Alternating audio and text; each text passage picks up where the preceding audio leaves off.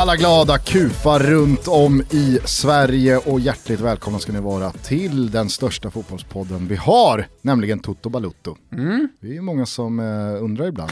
Hur många, hur många... är det många som undrar? Ja, men hur många lyssnar? Kan ja. vi delge? Ja, det är miljonen ungefär.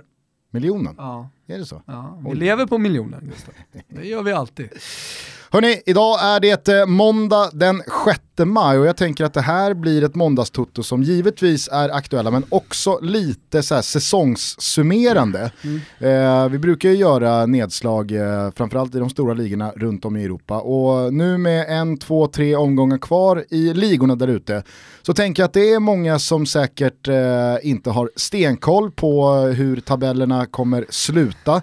Så jag tänker att vi kan väl eh, efter svepet då också eh, gå igenom lite, lite tabeller och vad som händer och kanske ja, men, ringa in några slutsatser. Det tycker jag låter bra, då kanske vi ska börja bara med svepet då så att vi igång. Så precis, ja. det finns säkert de som precis som jag eh, behöver uppdatera sig efter helgen. Jag spenderade eh, fredag, lördag, söndag på Gotland mm. utanför Visby och spelade golf. Så I snön? ja, det vart eh, snö i lördags morse. Eh, men med fyra runder golf på tre dagar så missar man en del matcher. Ja. Eh, kikade lite på kvällarna, men det finns hål att fylla så att take it away Tompa. Mitt tips till dig Gustav är att sluta spela golf. Eh, hur som helst, här kommer ett riktigt 3 plus-svep. Eh, är du med? Ja. Yes. Och vi börjar det här svepet då med en tillbakablick på den spanska ligahelgen. Eh, där, som ni känner till, allting handlar om vilka av Getafe, Valencia och Sevilla som kniper den sista Champions League-platsen. Stora förlorare blev Sevilla och man undrar ju vad som hände efter det där som man trodde var en moralstärkande derbyseger för några veckor sedan. Torsk mot Leganes som har absolut ingenting att spela för i mittenland i La Liga. Och inte vilken torsk som helst var Gusten, hela 0-3 i baken inför en segertörstande hemmapublik. Mierda! ropades Los Sevillanos, kan man tro i alla fall, samtidigt som Getafe nu har en ruggig pole position inför de sista omgångarna. JG-kollen kan annars rapportera att det blev 26 minuter på planen, 67% pass success och ett skott och det träffade mål. Frågor på det? Nej, tänkte väl. Snabbt bort från friterade tapas till Primavera i Italien. Vilken omgång alltså. Blir det Inter, Atalanta, Roma, Lazio eller Toro mellan Europa League och Champions League? Ja, allting talar nu faktiskt för Atalanta och att Milan eller Lazio faktiskt blir helt utan Europaspel nästa säsong. Segern för i Bergamaschi på Stadio Olimpico mot Lazio var bara så jävla imponerande och sagan verkar aldrig ta slut där vid Alpernas fot. Fyllan är konstant bland fansen som är så fullpumpade med eufori att det kommer finnas en reserv att ta av under hela det kommande seklet. Samtidigt fick Roma alltså bara en pinne mot Genoa, men det hade kunnat bli ännu värre. Straff i slutet och mitt i allt så hamnar faktiskt Mimo Crescito av alla jävla vaniljgubbar i något slags blåsväder med supporterna. Det kan vi väl ta lite sen. Sick! I botten tog Empoli sista chansen genom en seger mot eh, provinsrivalen och storebrodern Florens och det blev en ruskig avslutning. Man ser ju redan fram emot det här Toro-Lazio i den sista omgången. Som ni ser på, ja, det vet ni numera, Strive för en Big och Company i månaden ingenting ju. Till en annan verklighet eh, späckad av dramatik, ja vi tar oss nämligen till England. Glory, glory, Man United har skitit både i brallan och i det blå skåpet nu. Och det har även Arsenal som bara fick kryss i helgen och nu inte bara måste vinna utan också hoppas på att Spurs ska förlora och tappa åtta plus mål som man nu har på Arsenal. Alltså. Händer ju aldrig. Allting, precis allting, är annorlunda jämfört med övriga toppligor. För i Premier League är det bara toppstriden kvar va? Blir det City eller blir det Liverpool?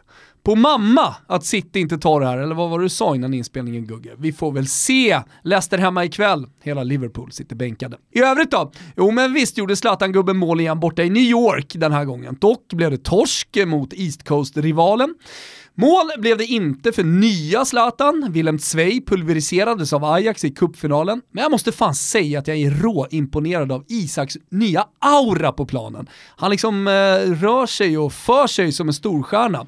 Och den lilla spaningen som jag har eh, gör att jag också utlovar målgaranti under det kommande decenniet varje säsong. Känn på den Gugge.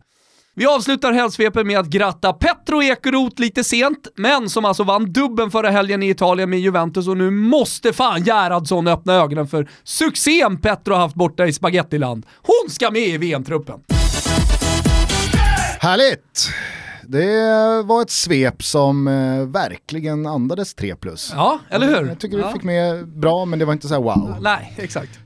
Det ska ju inte alltid vara det heller. Skippa Tyskland precis som vanligt. Jajamensan. Jag såg att Bayern München startade hemma mot Hannover på 1-0-2. Jag tror aldrig jag sett ett så lågt odds eh, i en ligamatch eh, ja, mellan två lag som alltså spelar i samma division. Visst kan det dyka upp någon sån här Copa del Rey-match där Barcelona eller Real Madrid möter ett tredje eller fjärde divisionslag. Eller någonting liknande, men 1-0-2 alltså på två liga-rivaliserande lag. Äh, det var sanslöst alltså. Jag såg att överlinan också gick på fem kassar. Helt sjukt.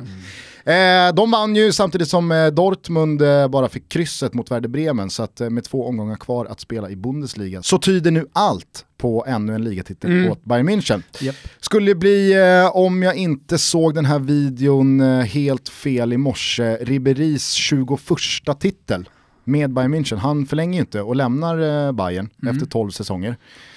Man, har alltså så här, man har nästan glömt bort hur länge han har spelat i Bayern München och hur, liksom, hur mycket han har vunnit. Ja, hur mycket han har vunnit och eh, liksom, hur stor betydande del han också har haft i många av de eh, titlarna som Bayern München har säkrat under hans tid där. Alltså, vilken jävla världsstjärna ändå Ribéry har varit. Eh, och det, det kan kanske lite att göra med att folk som jag glömmer bort lite den tyska ligan, är du med på vad jag menar? Eh, att han i Bayern absolut får den uppskattningen som, som han faktiskt förtjänar. Men jag tycker inte att internationellt han riktigt eh, liksom har fått den, det var, det var i alla fall länge sedan man pratade om Ribéry som en av de absolut stora det, det senaste decenniet så att säga. För det har han ju verkligen varit alltså. Verkligen, samtidigt så har han ju fått lida lite av det hela Bayern München har fått lida av, i alla fall i, i omvärldens åsikt, att det är ålderstiget, att det är lite trött, att man inte har hängt med de andra stora drakarna på transferfronten, utan man har tuggat på med Robin och Ribéry på kanterna och Lewandowski och Thomas Müller tuggar på där framme. Eh, det är lite samma, alltså du fattar vad jag menar. Att Bayern München och Ribéry har ju gått lite samma öde till mötes här. Eh, och nu gör de väl rätt i att städa ut under sommaren. Men det ska bli spännande att se om Ribéry har ett kapitel till i sig eller om man gör som brorsan och hamnar i Syrianska. Ja, jag tror inte alla hamnar i syrianska. Det hade i och för sig varit jävligt ballt med tanke på att jag har typ, ja vad har jag? 10 minuter bilfärd, inte ens det, 7 minuter när jag liksom varvar igång min bil ordentligt eh, till Jallavallen. Där man, eh, där man eh, ja, kanske borde, fan borde spendera mer tid Gusten. En trappa ner då i Tyskland så följer vi med skräckblandad förtjusning vårt kära HSV. De har ju chokat något eh, oerhört senaste månaderna och ligger på en fjärde plats med två omgångar kvar att spela. De har väl en hyfsad chans att blanda sig i alla fall kvalplatsen när man då möter andra placerade Paderborn i eh, näst sista omgången. Men med den formen eh, Die Rotenhosen besitter så luktar det ju torsk och då inte ens kvalplats. Flopp. Jo men Det är tungt nu vi, för jag oss. tror vi konstaterade det för ett par månader sedan att eh, fan det här ser bra ut för ba- Hamburg och vad kul att de är på väg tillbaka och liksom, ja, nu verkar allting stämma. De gjorde en session ner, kommer tillbaka eh, i, i Bundesliga direkt och sen så gör man den avslutningen. Den, den är svårförklarad Gusten, Mm. hur, hur, hur man kan tappa allt. Det hade ju räckt med en seger på alla de här matcherna som du nämner. För att de faktiskt skulle bara greja den där direktuppflyttningen. Ja men nu senaste helgen, hemma mot Ingolstadt. Ja. Tre pinnar där så ligger man på direktuppflyttning. Jo men det är ju inte bara torsk, alltså det är ju som jag nämnde där med, Sevilla-torsk. med Sevilla. Ja, det är en Sevilla-torsk. Eh, I England då så tycker jag att vi ska asteriska det du nämner om eh, Arsenal där och deras chanser på fjärdeplatsen och Champions League-spel. Det ser ju jättemörkt ut, det är ju som du sa, tre pinnar upp till Tottenham och åtta plusmål. Kommer ju såklart inte gå, men vi påminner då att eh, Europa League-vinnaren nyper ju Champions League-plats och där ser det ju i alla fall ljust ut för Arsenal. Man har 3-1 i handen från första mötet med Valencia, retur på torsdag och eh, i en eventuell eh, final då, då så väntar antingen Chelsea eller Frankfurt. Det står 1-1 efter första matchen där. Eh, så att eh, jag tror ju att eh, Arsenal ändå känner att Champions League-drömmen lever.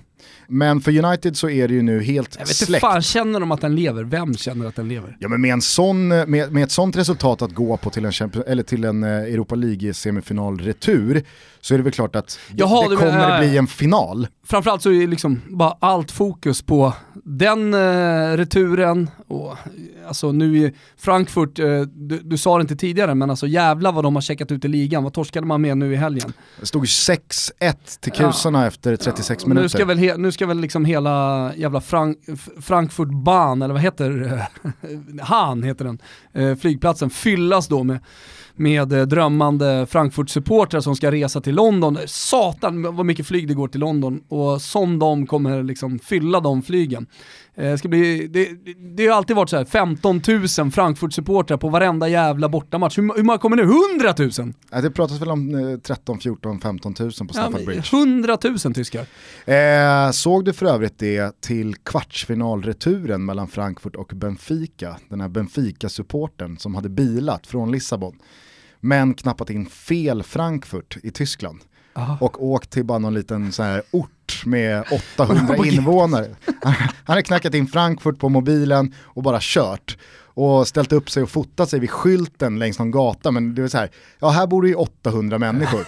Och så när det hade gått upp för honom då att nej jag har ju smält in fel Frankfurt, då inser han att det är 63 mil dit så han bränner fighten. Alltså så här, det där kan ju vara ett tips till alla som lyssnar på den här podcasten. Alltså, håll inte på med GPS och skit, utan rota fram motormännens jävla kartbok för Europa, så kommer det gå bra.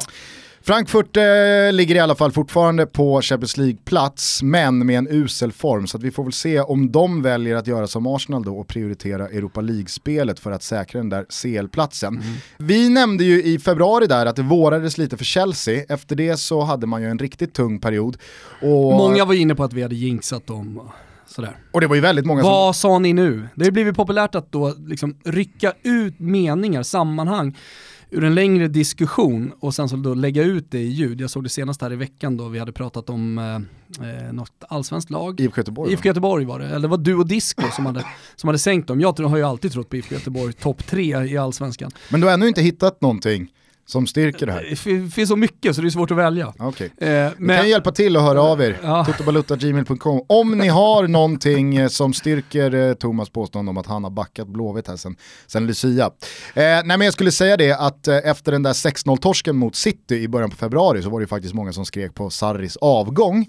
Nu har han eh, säkrat Champions League-spel, man kommer sämst bli eh, fyra och man eh, har ju då en bra chans på Europa League-final. Skulle han då plocka en titel och eh, säkra Champions League-spel så är det ju svårt att säga någonting annat än att det här är en, men en, riktigt bra säsong. Dessutom ligacupfinal mot City där man torskar på straffar.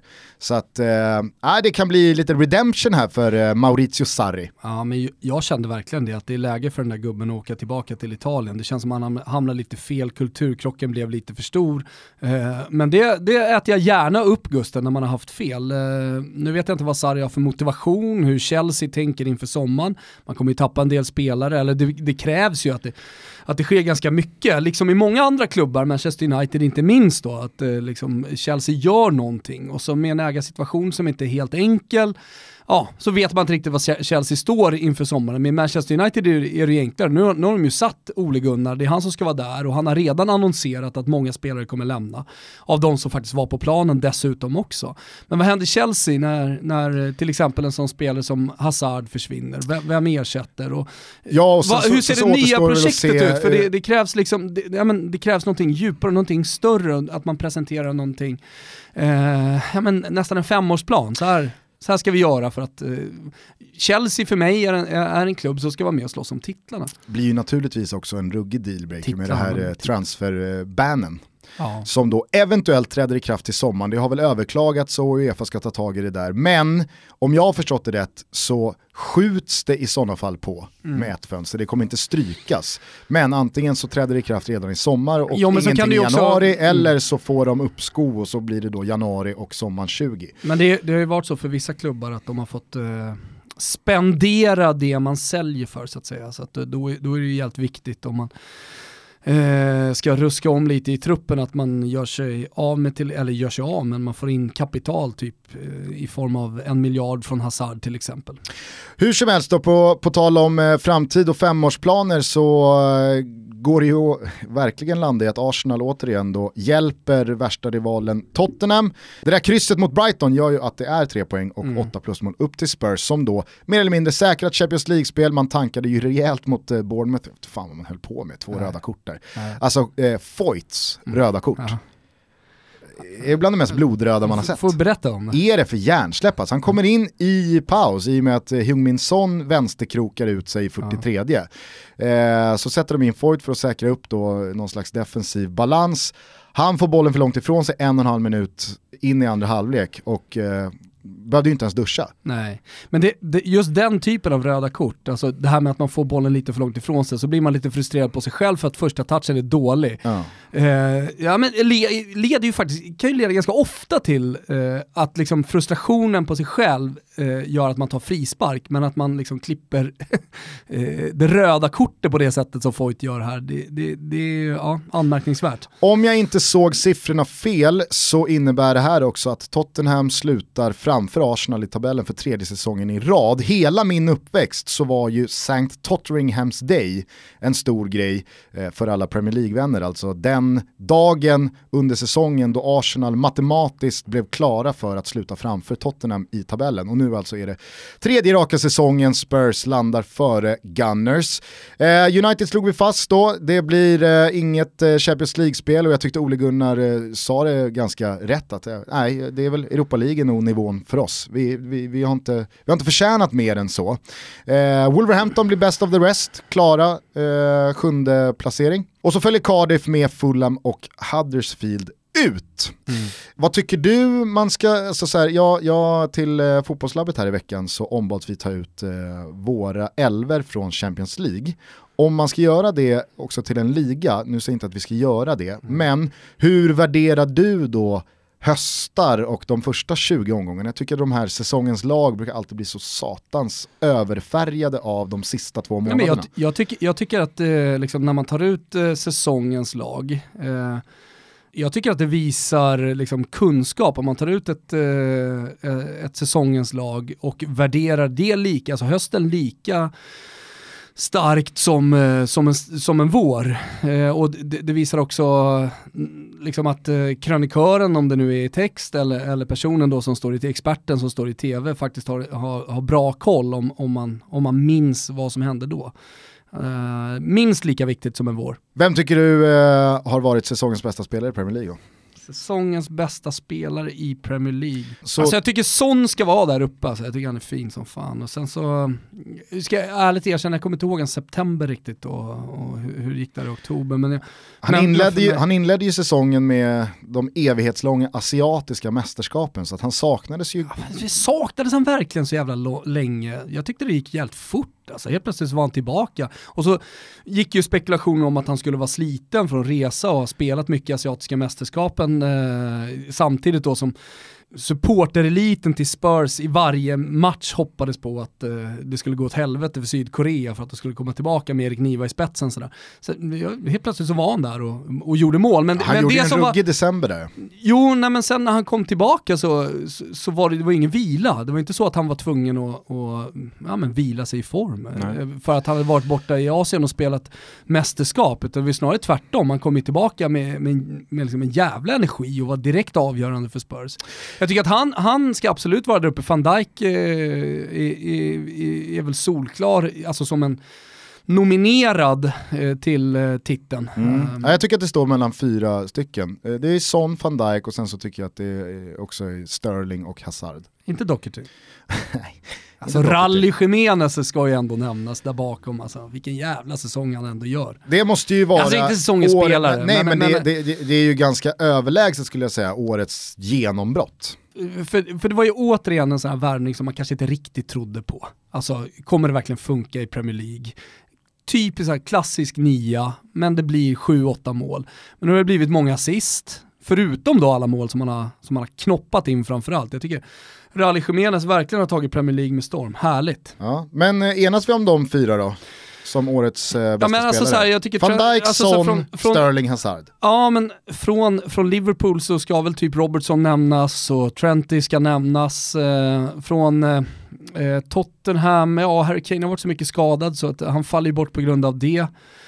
Ingen den backlinjen tycker jag kommer upp i samma nivå som, eh, där, om man kollar på City då, ja där har vi Agüero. Vi har, alltså Bernardo Silva tycker jag är underskattad. Alltså, han, nästan så att han ska nämnas till och med i en sån här diskussion. Och eh, där ska också Pep Guardiola verkligen ha en fjäder i hatten för hur han har lyckats också ta Bernardo Silva till nästa nivå.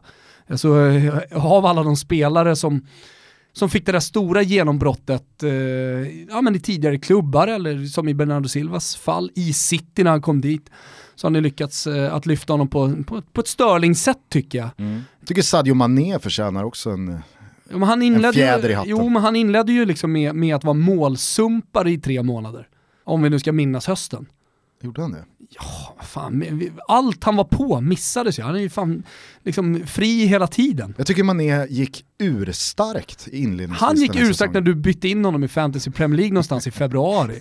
Så innan det så var han ju liksom den stora målsumpan i Europa. Ja, jag minns säsongen eh, helt tvärtom, att han inledde riktigt, riktigt starkt och sen så hade han det lite tuffare oktober, november, december. Det är ganska många månader du snackar om här. Det är tre jävla månader. Ja men det var inte inledningsvis. jag tycker i alla fall att Mané överlag har gjort en bättre Premier League-säsong än Salah. Och då är jag mycket väl medveten om att Salah leder skytteligan. Eh, men Nej, Salah Mané är vadå, två mål bakom och, och jag tycker att när, eh, när eh, Liverpool behövde det som mest så steppade han upp. Ja. Nej, jag vet inte fan alltså. Jämnt skägg kan man ändå säga. Vi är sponsrade av fastighetsförmedlarna Erik Olsson numera och det känns väldigt, väldigt roligt. Ja, roligt, det känns helt fantastiskt att ingå samarbete med denna otroliga mäklarfirma. Ni kommer lära er allt. Lyssna bara på Gugge. Okej, håll i hatten här. Håll i hatten. Nej men Erik Olsson, eh, de eh, satsar ju eh, mer än någonting på kvalitetssäkring när de förmedlar bostäder runt om i landet. Ja, men vänta här nu, alltså det här är viktigt. Kvalitetssäkring. Lyssna på det ordet. Det är ett nyckelord för Erik Olsson. Gå vidare. Ja, för att visste ni till exempel att Erik Olssons mäklare ställer upp till 100 kontrollfrågor till varje bostadsrättsförening vid en försäljning för att få full koll. Och då pratar vi verkligen full koll. Jaha, vad händer om det här sker? Vart ska ungarna gå i dagis? Vart finns det parklekar? Eh, Vad, vad, vad händer när eh, hissen strular? Hur blir det med garageplats? Avgiften, bostadsrättsföreningsmöten och så Det vidare. är inte så man går ifrån eh, ett möte med Erik Olsson och känner att alla frågor är inte riktigt ställda här. Nej, precis. Erik Olsson täcker storstadsregionerna i landet, Skåne, Göteborg, Stockholm och Uppsala. Ja, då har man ju de stora städerna va? och det är väldigt många som lyssnar på den här podcasten som kan höra av sig till Erik Olsson. Just nu så får du som säljer din bostad med Erik Olsson ett årskort på Nordic Wellness värt 6 lax. Det är ju faktiskt väldigt generöst. Så att eh, inte bara eh, slår man till på en ny bostad, Inte bara är man kvalitetssäkrad, inte bara får man Sveriges bästa mäklare, utan man får även ett gymkort. No-brainer säger jag. Ja, verkligen. Eh, mer om det här finns att utforska på erikolsson.se totobalutto. Och vet du vad man kan göra där också? Berätta. Där kan man, om man vill, skicka in sina uppgifter och anmäla sitt intresse att få chansen att ha oss som visningsvärdar när man ska sälja sin bostad. Jag är ju vassare än dig Gugge. Ja, det tvivlar jag inte Får man välja då på. mig eh, eller dig? eh? Nej men vore det inte jäkligt roligt att man som Toto-lyssnare säljer sin lägenhet och vilka står där och har de här hundra kontrollfrågorna innanför västen och kan svara på precis allting och förmedla den här bostaden till köpare. S- Sällan varit så taggad inför någonting som att sälja just din bostad. Precis, vi säger stort tack till Erik Olsson för att ni är med och möjliggör Toto Balutto och gå in på erikolsson.se totobalutto för mer information. Stort tack. Vi är precis som vanligt sponsrade av våra vänner på Betsson och jag tänker Thomas att vi sätter ihop en liten eh, sån här rolig eh, Toto-trippel till semifinalreturen mellan Ajax och Tottenham. Mm, där är alltså tre spel i en och samma match. Exakt, den här kommer ni hitta under godbitar och boostade odds på Betsson.com. Man ryggar med 148 kronor, skickar in sin rygg i hashtag Toto-trippen så eh, har vi några fina Toto-tröjor också med som kicker. Jajamensan. Tack Betsson. Hörrni, eh, i eh, Spanien då så vet ni ju att eh, Barca redan har säkrat titeln. Atletico Madrid kunde eh, matematiskt ha säkrat andra platsen. Eh, nu kommer de ju givetvis lösa den ändå. Det är sex poäng ner till tredjeplacerade Real Madrid med två matcher kvar att spela. Så det där ska de ju knyta ihop och sen så hörde ni Thomas i svepet eh, ge pole position till Getafe som alltså har 58 pinnar mot Valencia och Sevillas 55, två matcher kvar att spela. Bilbao lägger sig på en Europa League-plats. Ja, de har rest sig. Mm. De hade en riktigt jobbig höst. Men eh, det blir eh, Europaspel där borta i eh, Basken. Mm. Till nästa säsong, om inte det här ska strula. Vet du vilka som åker ur? Där var det ju länge så här, Villarreal, kommer de i det här laget lämna? Nej, de löser ju det här. Nu är det tre poäng ner till Girona. Och så är det Rayo Vallecano och Uesca. Uesca, tack och hej. Yeah. Det var, det, var, alltså, det var väl deras första säsong va? i La Liga. Och det känns som att det, det, det blir den enda. Mm. De har mm. inte gjort mycket avtryck. Nej. Ska du ha en liten check också på skytteligan? Ja, för jag, tror här... det, jag, jag, tror att det är många som har glömt bort vad som har hänt lite bakom Messi där. Eller folk har i alla fall inte koll. Ja verkligen, Messi det är ju De har glömt bort att ha koll. 34 gjorda mål på Lionel Messi, skuggas eh, alltså 13 mål bakom av duon Luis Suarez och Karim Benzema mm. som tuggar på 21 mål vardera på dem. Alltså det är ju ruggigt låga siffror ändå. Varför Sto är det låga siffror? Stoani alltså, förtjänar ju en... Vad eh, vinner du Premier Leagues skytteliga på? Ja, alltså Salah, det, där, där brukar det ju ligga på 30-strecket. Samma brukar, sak i Italien. Det har gjort det kanske de senaste åren, men det är annars, annars alltså... Alltid 25 plus där. Alltid 25 plus i Nej, uh, Premier League. Och för att inte tala om Italien. Runt 25, ja, där ligger Quagliarella på 25 nu. Mm, men där, har där är ju där där är 30-strecket många gånger i spel. Nah, många gånger ska du absolut inte säga. Di Natale och Iguain petade väl in 36-37 ja, för några säsonger alltså, sedan. Luca Toni gjorde, men alltså du, du vinner skytteliga runt 25, alltså det gör du, det har väl Icardi gjort va? Hur som helst, att det är tre spelare med 20 plusmål i La Liga, tycker jag ändå förvånar. Ja, alltså det är ju lågt, absolut. Griezmann, bästa målskytten i Atletico Madrid, han har gjort 15 mål. Mm, han har inte haft någon jättesäsong, Griezmann. Du har eh, Ben Yedder, Sevilla 17, Iago Aspas, Celta Vigo 17. Stoani ska ju ha en applåd för 18 kassar i eh, Girona. Mm.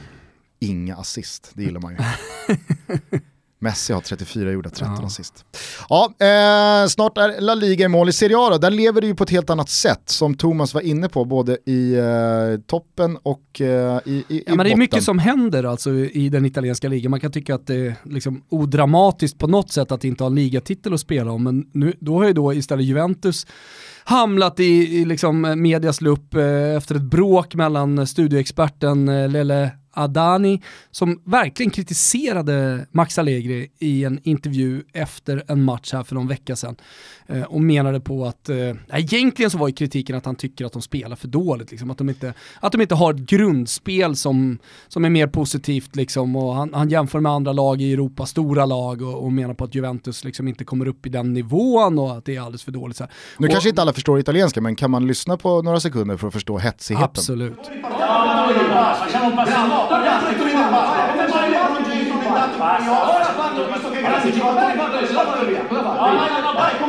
Ja, ni, ni hör, alltså Lella Adani han är, han är en jävla skön studioexpert. Samma frilla som Bojan, man tänker väldigt mycket på Bojan, han är frispråkig.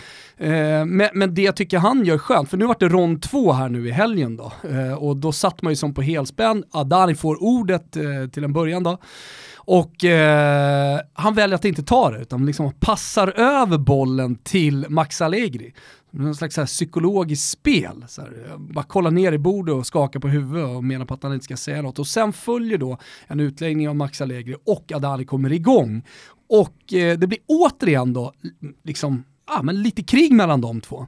Eh, fortfarande hög nivå på fotbollsdiskussionen. Det är många som kritiserar Allegri, många som hyllar Allegri efter den. Men vad är det han kritiserar eh, Allegri och Juventus mest för då? Ja, men... för det, det, det är svårt att titta på Juventus resultat den här säsongen inom Italiens gränser. Och, Max Allegri säger en, så, men, han går mycket på statistik, eh, han, han har kollat på liksom, så, ja, Juventus bollinnehav, expected goals, alltså hela, hela den liksom, biten och menar på att det är för dåligt och, och med den statistiken så kan inte Juventus vinna Champions League och det var ändå det stora målet den här säsongen, man åker ur eh, redan i kvartsfinalen mot Ajax eh, och, och liksom så här, han, han grundar sig då i den i, i statistiken men också hans egna upplevelser. Eh, att att eh, Juventus är, liksom, att, att Allegri inte har utvecklat det här laget mer. Max Allegri till en början säger ju att han ska hålla käften, sitt stajt sitto, var tyst på dig. För att han tycker han pratar i hans mun. Och sen så menar han att han är bara liksom, expert i någon studio, han förstår inte fotboll för han är minsann ingen tränare. Men alltså det är mycket mer komplext att vara tränare och där kan man ju självklart liksom köpa det Allegri säger. Samtidigt som man måste liksom kunna ta den kritiken tycker jag. Men sen säger ju Max Allegri eh, de bevingade orden, fotboll inte är någon absolut eh, vetenskap utan konst och det Eh, tycker han att Messi bevisar i matchen mot Liverpool. För hade det varit eh, en vetenskap så hade Liverpool vunnit den matchen om man kollar på statistiken. Eller det hade i alla fall inte blivit 3-0. Inte kanske vunnit, men det hade inte blivit 3-0. Men att Messi är den stora skillnaden och därför är fotboll konst eh, och eh, det är fotbollskonstnärerna eh, som faktiskt avgör och det saknar eh, Juventus. Så, så här, ah, det är du med på ungefär hur, hur snacket går? Sen är, det är så långt ju, alltså den här diskussionen på, pågår länge. Men det jag tycker ska hyllas är ju liksom öppenheten från Allegri att stanna kvar sen i mixade zonlatarerna, rond två med, med studieexperter. De ger tid för det. Så det hade ju aldrig hänt i Sverige. Alltså, framförallt så hade väl studieexperten till slut vikt sig mot Janne Andersson eller ja, vem det nu var, Rickard Norling eller vad det var. Här blir det dålig stämning i studion. Vi kan inte ha dålig stämning i studion. Det är ju för jävligt och kritiken hade blivit stor då bland alla eh, sekundärkränkta svenskar som hade kollat på det så hade det blivit liksom två läger. Det har blivit två läger i Italien också. Men är du med? Men de har högre i tak. Ja, herregud så de har högre i tak alltså. Det är domkyrkan i, i Florens jämfört med, med en etta i Blackeberg. Alltså. Men eh, spiller uttåget mot Ajax över på hela Juventus säsong skulle Självklart. du säga Serie A-mässigt? För att där är det ju en slakt från start till mål. Jo, men det, det, det är klart att det spiller över. Det såg ju tifot från Inters sida. Alltså, det, det är klart att det, det gör. Eh, det blir ju, alltså Juventus har ju kommit dit lite, vi pratade om också, men där Bayern München har varit i många år. De ligatitlarna, men den räknar man lite mer. Det är därför de kallas för Gobbi, de har vunnit mycket titlar. Gobbi blir kutryggad gubbe, de blir mätta på framgång och på titlar. Eh, och Real Madrid har varit där, en Real Madrid-supporter i på vårt kontor i Kristoffer Kviborg. Menar, det, man måste ju också förstå dem att det viftas med näsdukar eh, trots att man vinner 2-1 mot Oesca hemma. Alltså så här, det, man, man, vill ha mer. Ja, alltså det blir ju en curse, de klubbarna som har sprungit ifrån övriga konkurrenter i sin nationella liga. Att man går in i en säsong egentligen inte med speciellt mycket att vinna utan bara saker att förlora. Mm.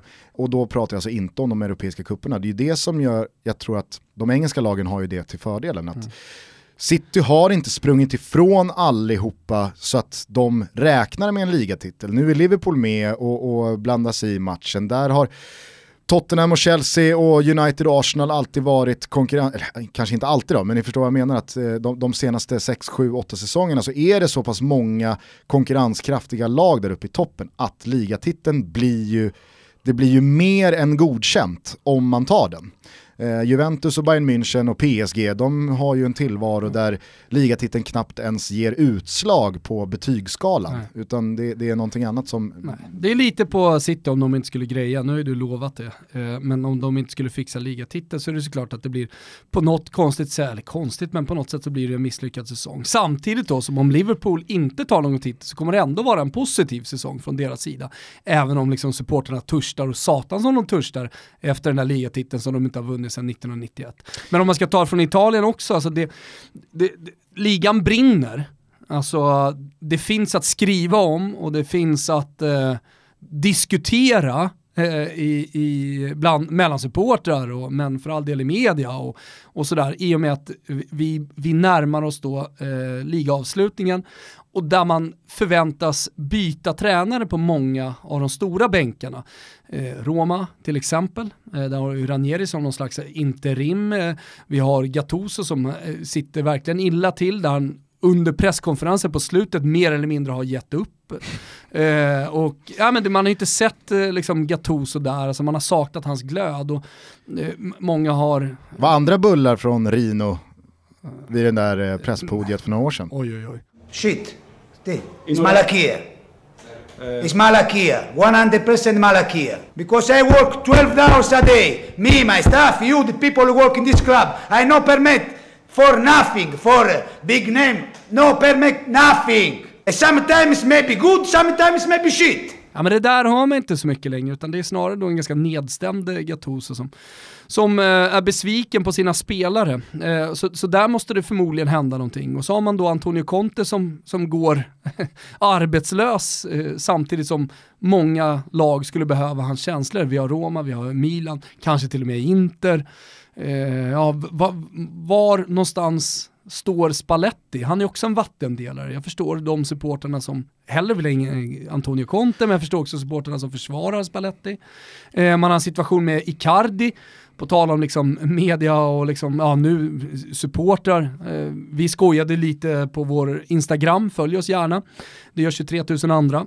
Eh, men, han börjar lägga ut eh, vad ska jag säga, sexuella bilder Alltså på tal om eh, konst så, så, vet man ju att de tycker att det här är konst. har du, har du sett... En naken Mauro Icardi och så Wanda i en svart klänning. Jo men där de i olika positioner liksom då eh, ja, knullar. Bara, jo men det är bara, det är bara smaklöst. De tänker att om Icardi är naken och så kör vi de här bilderna i svartvitt så är det här konst. Ja precis. Men så det... skuggorna ligger rätt och sådär. Men de, jag kommer ihåg när eh, Thomas Oifalusi, även kallad UFO, eh, gjorde bilder med, tillsammans med hans fru. Då. De, de osade ju verkligen öst.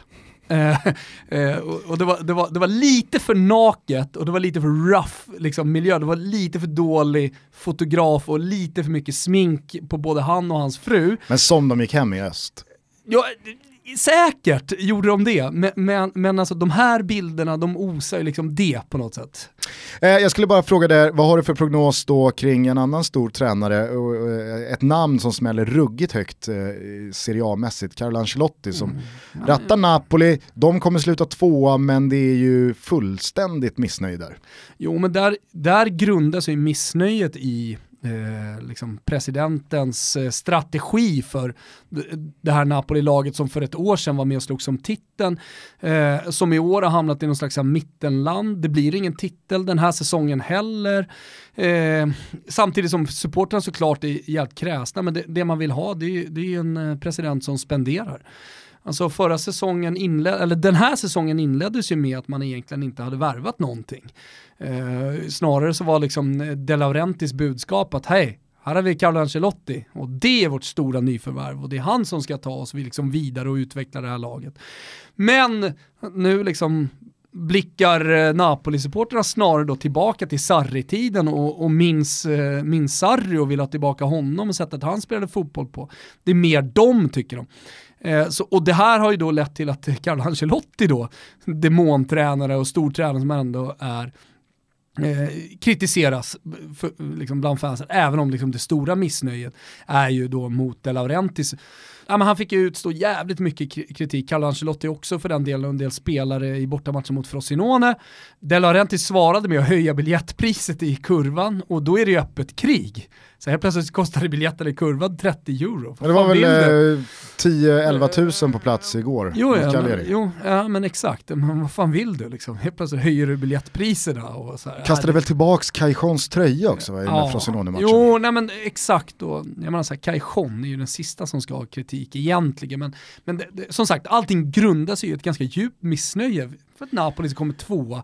Det kan man inte kritisera dem för, men, men, men man, saknar, någonting... man, saknar, man saknar att drömma i, i Neapel. Man måste hela tiden få drömma. Men tror du att det här på något sätt kan sluta med att Ancelotti lämnar? Ja, allt kan hända i, i Neapel, mm. skulle jag säga. Nej, jag menar, då känns ju, även fast det har varit en säsong där Napoli slutar tabellmässigt väldigt bra, men där alla har sett på, för, inför öppen ridå att Napoli har ja, men gått bakåt sett till vad man var för 12 eh, månader sedan, 18 månader sedan så är det ju ändå ett Ancelotti-namn som skulle vara högvilt Jag tror så att De Laurentiis vill nog ha kvar honom, eh, men Carlo Ancelotti, han kan nog se lite mer klarsynt på hela situationen och om det är ohållbart, han känner att det inte riktigt finns ett, ja men återigen då, slitet eh, ordval men projekt i sommar där De Laurentiis ger honom en lite större transferbudget. Ja, är du med på vad jag menar? Ja, då kanske han helt enkelt bara väljer att kliva av. Och då blir det ju ännu mer kritik kanske då mot eh, De Laurentiis.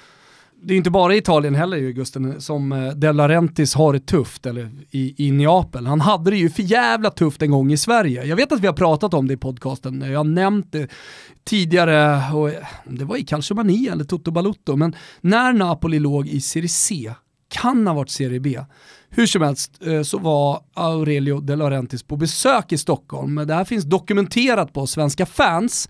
Eh, jag tror att de var på restaurangen Italiano, en institution på Nybrogatan i Stockholm. Interisti som, som är med och, och rattar, i alla fall arbetar där. Eh, någon tror jag var med eh, när den här vespan kastades ner på San Siro och liksom, ja, kan berätta om hans egna minnen där. Det brukar vara så legendarisk. Eh, hur som helst, eh, han var där på någon slags, ja, svenska fans fick träffa honom, intervjua honom tror även Marcus Birro var där och gjorde det någonting. Alltså, det var under hans svenska fanstid hur som helst. Ruggigt korståg Birro går här nu mot uh, hans liv ja. på Twitter. Ja, men, ja, jag vet. Det är, ambassadör. Men eh, eh, skit i Birro för en kort sekund. Så spelade ju Napoli match då också. Och på den tiden fanns det ingen IPTV och eh, Serie B, eller om det nu var Serie C, sändes ju inte eh, på några svenska kanaler. Eh, och De Laurentiis får då nysa om att Café dello Sport i Hornstull visar matchen. Café Dello Sports ägs av eh, några killar från Sicilien, vill jag tro, hoppas jag inte har fel här. Då jobbade också Baristan, där Martin tror han heter, med Pauls ursprung, eh, eh, som sen skrev en typ så Baristas bekännelser. Tror han, så Södermalm. Jo, jag vet, jag tror också att den, den kommer ut på ett så förlag där du alltså, kan publicera vilken bok du vill. Sådär. Men alltså, inga, det, fan, kudos till att eh, liksom, ändå skriva skiten. Eh, Cred till de som gör någonting. Ja, det är verkligen. Cred till, till till Martin, jag tror inte Martin. Eh, hur som helst, De Laurenti stämplar ju in och eh, vi som hängde lite där då, eh, vi visste ju att det var direkta gol som, som gällde. Jag var inte här just den, eh, den söndagen, men jag fick det här återberättat direkt och det här är liksom 100% sanning. De Laurentiis kliver in, och de här heta sicilianerna som är där liksom, eh, lägger väl inte jättemycket märke till att det är Napolis president som faktiskt eh, trampar in. Eh, det får de snart veta av De Laurentiis själv, för han, han menar ju på att eh, det är bara att sätta på Napoli här. För de har ju då italienska kanaler via någon parabol eller någon jävla lösning. Har, har jag, innan du fortsätter, har jag missat det, eller förtäljer det historien, vad gjorde han i Stockholm? Eh, oklart. Okay. Det vet jag inte. Nej. Det förtäljer inte historien. Eh, jag tror inte han var där för att träffa Birro. Eller? Eller, ja. Eh, när de då liksom är väldigt tydliga med att här kollar vi det rätta gol, och det rätta gol är bara Serie A. Då blir, ju, då blir han ju argare och argare. Det slutar med att han står och gormar där inne att jag är minsann Napolis president, jag kan köpa hela det här jävla stället. Det är alltså citat. Eh, jag kan köpa hela det här jävla stället och bomma igen det om jag nu vill. Då lackar ju en av gubbarna bakom, han är rätt stor, alla som har varit på Café Dello Sport, jag kommer inte ihåg vad han heter, men hur som helst vet, vet vad jag pratar om. Skicka ut honom! med huvudet före från Café Dello Sport. Och jag tycker det är så jävla roligt att han där på Pålsundsgatan, vad fan det heter, har varit och härjat med de sicilianska ägarna på Café Dello Sport och blivit utslängd med huvudet före. Vi är sponsrade av Pepsi Gusten, det känner du till. Nu har vi tagit fram den stora vinnaren, eller Pepsi har, har gjort det. Vi har inte varit med i den processen. Eh, jävligt kul först och främst att så många har varit med. Ja, det har ju varit en hashtag av Guds nåde det här. Ja, och ro Pepsi. rolig också. Mm. Alltså, jävla... Shoutouts till alla som har ställt upp och deltagit med mer eller mindre kreativa bilder. Ja, och det här har ju då fått Pepsi och oss att eh, tänka att det här måste fortsätta på något roligt sätt. Så att det kommer fler priser, det kommer fler tävlingar, eh, men mer om det senare vinnare. Nu vill jag bara säga grattis till den stora, stora vinnaren. Johan Falkman Posar Eh, jag träffade honom innan eh, AIKs match. Eh, han har alltså skapat ett Instagramkonto som heter Toto Pepsi och varje dag lagt ut kreativa bilder. Han vinner matchbiljetter och hela faderullan då till Champions League-finalen. Stort grattis Johan! Och ni övriga som undrar vad fan, kan man få en Pepsi-tröja eller? Kan man få en signerad Leo Pepsi-tröja med Max på trycket eller vad det nu är? Jo då. det kommer och vi kommer att annonsera vinnarna under veckan. Så att eh, eh, ha drömmarna kvar. Grattis Johan, tack till Pepsi och tack till alla som har varit med i vår fina tävling Toto Pepsi. Hörni, på tal om eh, skytteligorna då, Quagliarella 25 gjorda mål skuggas av eh, Dufan Zapata på 22 och... Vart Dufan, tyska Dufan. Jajamän. Ja men vad, Duvan. Ja. Duvan. Eh, Kricke Ronaldo 21, Piontek fortfarande känd, han har gjort två mål Uh, i år. Han varit till och med petad. Eller något sånt där. Han har varit till och med petad från startelvan. Som... Vilket också är så här, han har hoppat, han har liksom snaskat runt för mycket i den där truppen med startelvan, eh, Gattuso tror jag. I hans jakt på, vad då för någonting? Grinta, alltså eh, italienska eh, Sisu-varianten. Det är, det är det enda han vill ha. Liksom. Ja, verkligen, det är det enda Gattuso vill ha. Jag vill bara se folk som är beredda att dö för klubben och, och för, för klubbemblemet. Ja, men jag är lite bitter att eh, Lulic och eh, Stefan Radu i Lazio inte har tappat skallen än ja. och tagit sina röda kort. För att jag kommer ihåg vad jag ja. hade för långtidare borta hos Betsson. Jag hade ju att eh, Kievo skulle åka ur och som de åkte mm. ur. Och att eh, Ronaldo då inte skulle vinna skytteligan. Jag hade ändå på känn att nej, man går inte bara till Serie A och bombar in eh, 30 kassar. Eh, nu var han ju länge med i toppen och det är han väl förvisso fortfarande, men med tre matcher kvar så har han fyra mål upp till Quagliarella. Det känns ju inte som att Quagliarella har inte gjort sitt sista mål. Nej, men Sampdoria har, har ju eh, tyvärr då, tycker jag, tycker, inte minst då för att eh, Albin spelar där, halkat efter i jakten på Europaplatser som jag nämnde tidigare. I svepet så finns de inte med, eh, men allting handlar om att sätta Quagliarella i lägen för att på något sätt då få den där Ciliegina sulla torta, Gusten.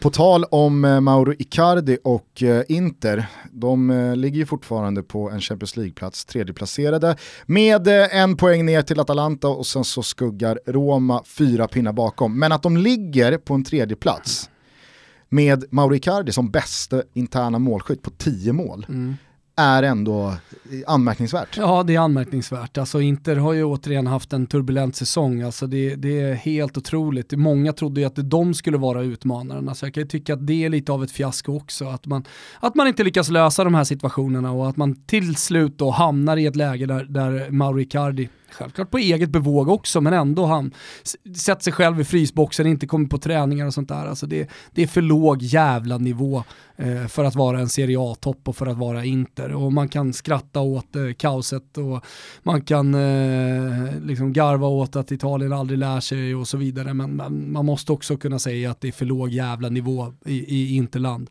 Och, det, och det är ju samma sak just att man saknar den här eh, målskytten som gör 20 eh, plus mål och garanterar 10-12 poäng bara med sina mål. Samma gäller ju i Roma, där man går från Edin Dzeko som gjorde 28 mål till att idag så är eh, Romas bästa målskytt Stefan El Sharawi på 11. Mm. Ja, då, då, då blir det ju inte några toppstrider. Nej, det, det, det är ju det så, enkelt så enkelt ibland. Ja, ja, ibland är det så enkelt. Hörni, i eh, morgon tisdag då gästas vi av förbundskapten Janne Andersson. Det är många som har skickat in eh, förslag på frågor och funderingar. Tack för det. Fortsätt. Eh, jag känner själv att imorgon så är det dags att grilla Janne kring Danne. Mm. Om man, ett, har hans nummer. Mm. Två, om han har varit aktuell. Tre, varför har han inte varit aktuell? Mm. Om han nu inte skulle varit aktuell. Vi får väl se vad förbundskaptenen säger. Jag tror i alla fall att Janne kollar med ett eh, riktigt intresserat öga på den allsvenska matchen ikväll mellan Elfsborg som inför den sjunde omgången låg i delad serieledning mot Jannes gamla Norrköping som alltså har en seger på de sex första ett poängtapp ikväll, rent av förlust mot Elfsborg. Det kan man ju verkligen se hända när eh, Sibicki och Levi och grabbarna ser ut som de gör framåt. Jo, alltså det är något lag som har imponerat, eh, också sett i förutsättningarna och, och hur surret gick kring Elfsborg och Tellin inför säsongen så är det ju, är det ju mardrömsmotståndare faktiskt att eh, åka och möta just nu. Ja, och skulle det bli så att Peking inte vinner ikväll, men då är det ju en, en säsongsinledning även resultatmässigt, tabellmässigt som säger till mig att det är bye bye det här guldet. Redan nu. Ja, jag vet inte hur, eh, hur supporterna ställer sig till det. Jag menar, de, de har ju ändå Europa att, att uh, drömma om den här sommaren och jag menar, det går ju fortfarande att rädda den här säsongen genom att uh, ta, sig, ta, sig, ta sig uppåt i tabellen och vara med i, i toppstriden. Absolut. I och med att det är så tajt och alla vinner över alla. Ja, absolut. Men det här Europa-äventyret som stundar, det är ju också ännu mer incitament för att, ja men okej, då skiftar vi fokus och så ska vi göra någonting riktigt bra eh, med, med det äventyret och så får allsvenskan bli lite vad det blir blir. Det har jag ju sett flera gånger mm. ske eh, med lag som inte prenumererar på, på allsvenska guldstrider. Och jag tror att... Ja, men du hade ju Östersund där bara för någon säsong sedan. Ja, exakt. Men tittar man på hur det resultatmässigt har fallit kontra hur illa det har sett ut spelmässigt för lag som AIK och Hammarby började ju väldigt eh, illa resultatmässigt så har det hela tiden funnits den här kontakten. Nu börjar ju ändå lagen vinna, så mm. Malmö vinner igen, eh, Blåvitt vinner igen, Djurgården har chansen att också ta tre nya ikväll mot Helsingborg som knappt får ihop eh, full trupp. Mm det börjar bli lite för många poäng för Norrköping upp till toppen. Alltså Häcken och AIK, de lagen som har haft det lite jobbigt spelmässigt här och där i perioder, har ju ändå hela tiden haft kontakten. Mm. Eh, så att eh, med, med, med, med, den brasklappen så har det ju hela tiden manats till lugn. Mm. Men Norrköping, där, där försvinner ju den Ja, men det är klart att det inte, ikväll också, det är, klart att det inte är lugnt i, i Norrköping om de förlorar ikväll. Utan då, då är det som du säger, alltså, då är det en, en, en liten minikris. Sen så måste man ju ta av sig hatten igen för Blåvitt som åker och slår eh, Sirius på bortaplan med 4-2. Vilka jävla mål de gör. Ja. Alltså det, det, är, det är häftigt att se oavsett eh, nivå, oavsett vad det är för sammanhang. Men lag som bara flyger. Alltså vad har man sett eh, för sådana matcher? Från in, alltså, Atalanta är ett sånt lag. Ja. Eh, Eh, den här säsongen. Jag såg det som mot Lazio, det är här, liksom de aldrig... vet ju att de, det, bara, det spelar ingen roll om vi hamnar i underläge. Mm. Det var samma sak mot Fiorentina i eh, cupsemin där, du hade Dortmund under hösten. Mm. Som, det, det bara, bara sprudlar om lagen. Ja men det bara sprudlar och där, i alla, jag tror att gemensam nämnare i alla de här lagen så är det tränaren. Eh, i, I det här fallet Poya Ashbagi, eh, sen så att Göteborg har värvat Vibe och fått igång Benjamin Nygren och så vidare. Men alltså så här, den, den gemensamma nämnaren här är ju Poja, Gasperini, alltså som hela tiden har trott på ett grundspel, i det här fallet som är väldigt positivt. Eh, och om man dessutom då, det är ju det som händer här, alltså får med sig publiken, eh, i både Göteborgs fall och i Bergamos fall så kan man prata om en hel jävla stad som är i ryggen. Och det, det liksom firas galet för att ingen har räknat med den här succén. Eh, då, då, då, kan man få den positiva effekten också. Så att man liksom, även om man tappar ledning som Göteborg gör, eh, så, så, finns det en växel till att ta. För det finns så jävla mycket självförtroende och så mycket optimism och positiv känsla i gruppen. Ja, men det är ju styva segel och allt att vinna Precis. mentaliteten. Precis. Bara en detalj kring Poja som jag har reagerat på under säsongsupptakten här, det är att han har eh, träningsoverall, den här vindjackan. Medans Ferran Sevilla, mm. han kör ju, nej men, han kör typ jeans och kavaj och skjorta. Ja. Får inte se ut så. Assen kan inte se ut, Assen kan inte klä kan sig som, som headcoach. Det, det, måste korrigeras. Ja, det måste de fan korrigera, det har du rätt i. Eh, vad tog du annars med dig från eh, den allsvenska omgången hittills? Ja, men jag måste ju ta med sig Falkenberg ändå, som återigen då inte får med sig det resultatet som kanske förtjänar. Vi hade ju matchen mot Norrköping till exempel, eh, där Norrköping vinner på tilläggstid. I det här fallet så var det ruskigt nära att de fick med sig pinne mot Malmö. Och tyvärr så är det ju lite sådär med bottenlagen, alltså de som förväntas vara i botten. Så, måste, måste ta de där poängen. Ja, de måste ta de där poängen, men är det någonting jag känner så måste de också skala bort, alltså helt horribla misstag mm. man gör. Alltså titta på målet eh, Falkenberg bjuder Rosenberg på, det är väl 2-0 målet. Men de föder ju klyschorna. Ja, och, och, Örebro gör ju samma sak. Är det, är det 3-0 målet som kommer efter att Örebro har missat en dubbelchans? Det där håller inte mot så bra motstånd, Nej, det är det som är och, och, och jag kan också eh, tycka att de här klubbarna, jag kan känna med dem att äh, men fan, det är stolpe ut igen, men samtidigt när man förlorar matcher och mål har sett ut som de har gjort i de här, i, i de här fallen, både för Örebro och Falkenberg, så känner jag också så här, men då kan ni inte få min fulla sympati här, eller att man ska tycka att det ser ut, utan då är det så här, kan inte bjuda på sånt där skit, det är för, vad var det du sa, det är för jävla låg nivå.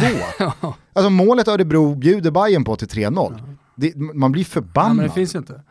Sen på tal om Bayern eh, så kan jag ju tycka eh, att Örebros två mål, att de får lite känning på resultat i slutet av matchen, det tror jag bara är positivt. Alltså för det gör att eh, Hammarby inte svävar iväg någonting, utan de åker ner till kanalplan och verkligen liksom ja, men, kan vara kritiska till de sista 20 minuterna. Och det får dem att då vara på helspänn, det får dem att kanske fortsätta kriga stenhårt på träningarna och inte känna vi är framme nu. Alltså så här, nu, nu har det lossnat. Jag gillar att du tror att Bayern eh, tränar på kanalplan. Ja, men, fan. Det är där damerna går. Jo. Och som de går som tåget. Ja, Va? ja, ja, ja, ja. Nu kom eh, nästa seger här mot Malbacken i lördags. Mm. De är så fina. ja.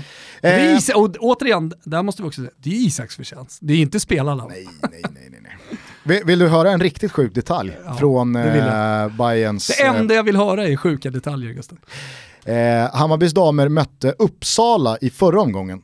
Jag glömde berätta det här i Toto förra veckan. Men då är det en situation i andra halvlek tror jag. Hammarby leder med 2-1 och eh, så är det en incident där eh, ja, men Isak och alla i Hammarby och många i, i publiken också tror jag ser att ja, men det här är en förseelse som, som ska eh, rendera ett rött kort för spelaren i Uppsala som, som gör det här. Så att eh, domaren blåser av, Isak eh, liksom slår ut med händerna och skriker, alltså, det, det måste vara utvisning, va? liksom, det röda måste fram. Och så joggar domaren ut till linjen. Kan han vara het där? Alltså, låter han? Ja, ja, herregud. Han, är- han är, det är temperament. Och så står de och, och domaren och linjemannen alltså står och diskuterar i eh, ja, någon minut. Och sen så joggar domaren ut på plan igen och eh, blåser igång spelet eh, utan att några kort delas ut. Och Isak fattar ingenting och börjar skrika ännu mer. Så kommer eh, linjedomaren fram till Isak och, eh, och Isak undrar, vad, vad fan, vad, alltså skämtar ni eller? Eh, Är det inte ens gult kort? Och då säger linjedomaren, för övrigt ett ruskigt misstag av linjedomaren att säga det till Isak. Utan d- där får man ju köra någon märklig sarg ut och inte säga någonting eller hitta på någonting. Men då säger linjedomaren, det är rött kort, vi håller med dig, det är rött kort. Men vi vet inte vem det var. Alltså, Det är också en för vad jävla låg svenska, nivå. vad hette han svenska domaren som tog fel gubbe i Nigeria? Äh, Bosse Karlsson. Han agerade ju i alla fall. Oj då, en Karlsson. gubbe ska ut! Ja men exakt. Och så vill han dela ut ett gult kort. Det var därför som han eh, inte lät frisparken gå. Olise, mycket förvånad. För det var ju inte han som eh, fällde Kanidja. Oj då Karlsson. Det här har inte börjat bra. Ja, högre nivå på domarna, inte bara i allsvenskan i Europa. Jo, men om man nu gör en sån blunder så kan man ju inte, man kan inte säga det till tränaren. det går inte. Det är rött kort, vi vet. Men vi, vi vet inte vem det var. Nej. Okej. Då blåser vi igång då. Eh, tillbaks bara till, till Bayern snabbt. Tankovic. Shit vad bra det är. Alltså, ruskig såg. Han behövde, jag tror, jag tror han behövde den anpassningen. Alltså, jag tror att många förväntar sig att det bara ska flyga direkt. Alltså, jag tyckte att han har varit bra i Hammarby, men, men jag har väntat på det här. Att han är ja, men bäst på plan. Och att det är han som gör den stora skillnaden. Ja, det är häftigt att se. Det, det är ju sällan de spelarna dyker upp eh, i, i allsvenskan, men spelarna som kan göra allting Ja. i offensiven. Alltså det, det kan gå på egna avslut och man, det, det finns en teknik för dribblingsräder. Mm. Det finns kombinationsspel och en speluppfattning som gör att han, han har ju passningar i sig som är direkt avgörande från 10, 20, 30 meter. Alltså det, det- han jobbar hårt. Jag tycker att eh, Tankovic, det är, en, det är en spelartyp som man inte ser speciellt mycket av i den här eh, serien. Och jag kan tycka att eh, är, är det någonting som Tankovic visar upp nu är ju lite det, av, eh, det AIK inte har lyckats ersätta i Kristoffer Olsson. Alltså en spelare som både vill ha bollen, som fördelar bollen, som eh, är, är inblandad på ett eller annat sätt i egentligen varenda anfall. Eh, jag tror att Astrid Ajdarevic kan ta sig dit om man bara får lite bättre ordning på fysiken eh, och kan komma in och spela back-to-back 90. Eh, för det är ju en sån spelartyp också. Han är ju lite större och rejälare än vad Tankovic är. Men, Men det fan, jag de tycker är, också de är, de imponerande, spelartyperna. absolut, men det, det jag också tycker med Tankovic eh, som är imponerande, det är att han eh, har, har lyft sig till nästa nivå under en period där, där hela Hammarby kanske inte har gått så bra resultatmässigt som inledningen på den här säsongen. Och att det är då han som har gjort den skillnaden, det är han som har varit ledaren ute på planen. Fullt medveten om att han inte är ensam och Djurdjic har gjort sitt i derbyt och han gjorde mål nu senast och, och, och så vidare. Men, men, jag tycker ändå alltså, om man ska plocka ut någon från Hammarby som gör skillnaden så är det ju Tankovic. Mm. Och då blir det ju extra imponerande när han hade den svansföring han hade för ett och ett halvt år sedan när han pratade om sig själv i väldigt eh, positiva ordalag och att Bayern ska vinna SM-guld och så här. Att han också är den som steppar upp och, och, och levererar. Mm. Eh, ska applåderas. Mm. Hörni, ikväll så tittar vi på när Elfsborg möter Norrköping och Helsingborg ställs mot eh, Djurgården. Alltså vi måste för övrigt bara dela ut en gulasch till Helsingborgs eh, marknadssida.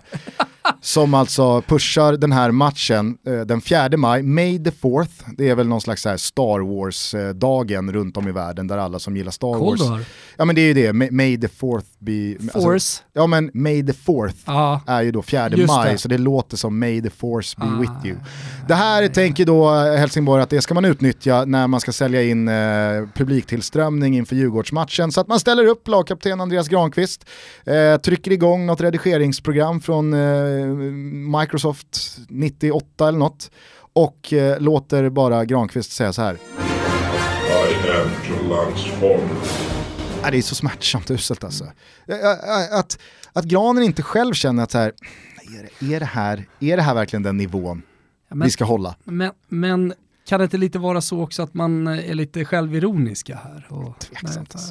jag försöker vara leta något positivt, alltså jag tycker synd om Helsingborg. Tveksamt. Jag tycker de inledde fint den här säsongen och så har det gått åt helvete. Sen kommer ju Manchester City ta tre poäng av Leicester, hur mycket den röda delen av Liverpool än eh, vill något annat. Eh, sen är det Champions League-semifinaler. Fan vad jag sitter och håller på Leicester här nu bara för att du säger så. Superstängt i eh, pool Barca och sen har ju garanterat att Ajax löser avancemanget till finalen också. Och sen så är det ju också Europa League-semifinaler mm. på torsdag. Så vi hörs med ett vanligt avsnitt igen på fredag, mm. men när förbundskaptenen gästar, då är vi bjussiga. Ja, då är vi bjussiga. Då kör vi tre på en, en vecka. Så vi äh, slänger in ett gästavsnitt med förbundskapten Janne Andersson igen på onsdag. Så jävla mycket love. Ja. Ja. ja, det här blir kul hörni. Eh, vi hörs och syns snart igen. Ta hand om er. Ciao tutti. Ciao tutti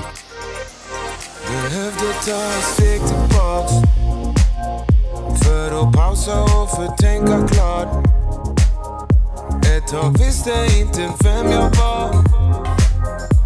Alla känslor kom och gick förutom de för dig. Ta oss upp, det är vårt enda val. Tillsammans ser jag oss en dag. Ditt leende, det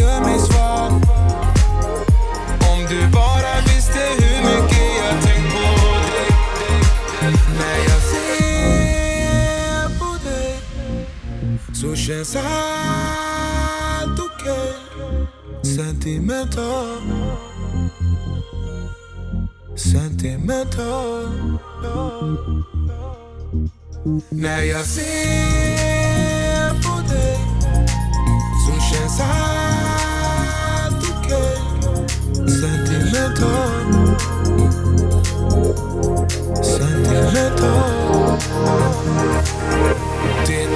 något i din röst som jag inte riktigt greppar tag. Hur du ställer frågor, ger mig svar. Om du bara visste hur mycket jag tänkt på dig. För du kallar samma anda som den första gången jag såg.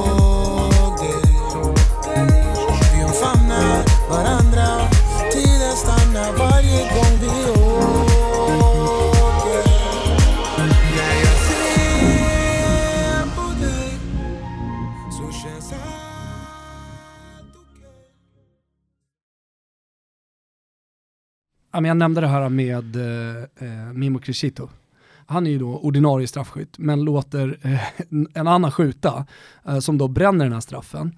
Eh, och sen så får de mycket skit eh, på grund av det och eh, han lackar för att det liksom kommer in så mycket skit igen och är i botten och så vidare och skriver då på en svart bakgrund, i Insta, bakgrund i Insta-stories eh, att fy fan vad ni är dumma i huvudet och ni kan inte höra av er med så mycket skit. Och sen så kommer en till Insta-story, där står det bara avete rotto i cazzo. Alltså så att ni, ni, you broke the balls liksom, att ni, ni, nu, liksom, eh, måttet är rågat. Eh, sådär och då blir folk ännu argare. Och då vet du, Rottikatsi, alltså vi säger vad fan vi vill då, supporterna. Så han blir tvungen att skicka ut, det är det som är det smärtsamma här. Han blir tvungen då att... Då skiner vaniljen igenom. Ja, men alltså då blir det ju minipudel från Mimmo. Så stå på det för fan, nu har du ju svurit och haft dig och liksom fan Genoa ligger i botten och, och det, det, har varit jobbig, jobbig tid för supporterna, Prandelli har inte lyckats. Stå på det då då, för fan, som lagkapten och alltihopa. Fan, de har ju... Om du nu ska svinga så får du ju gå hela vägen. Ja, då får du gå hela vägen. Nej, äh, då ska det vaniljpudlas igen. Alltså. Mimmo. Alltid. Snart är det ju sommar, du vet vad som händer. Visst. Forte Village. Forte Village. uh, skit på er.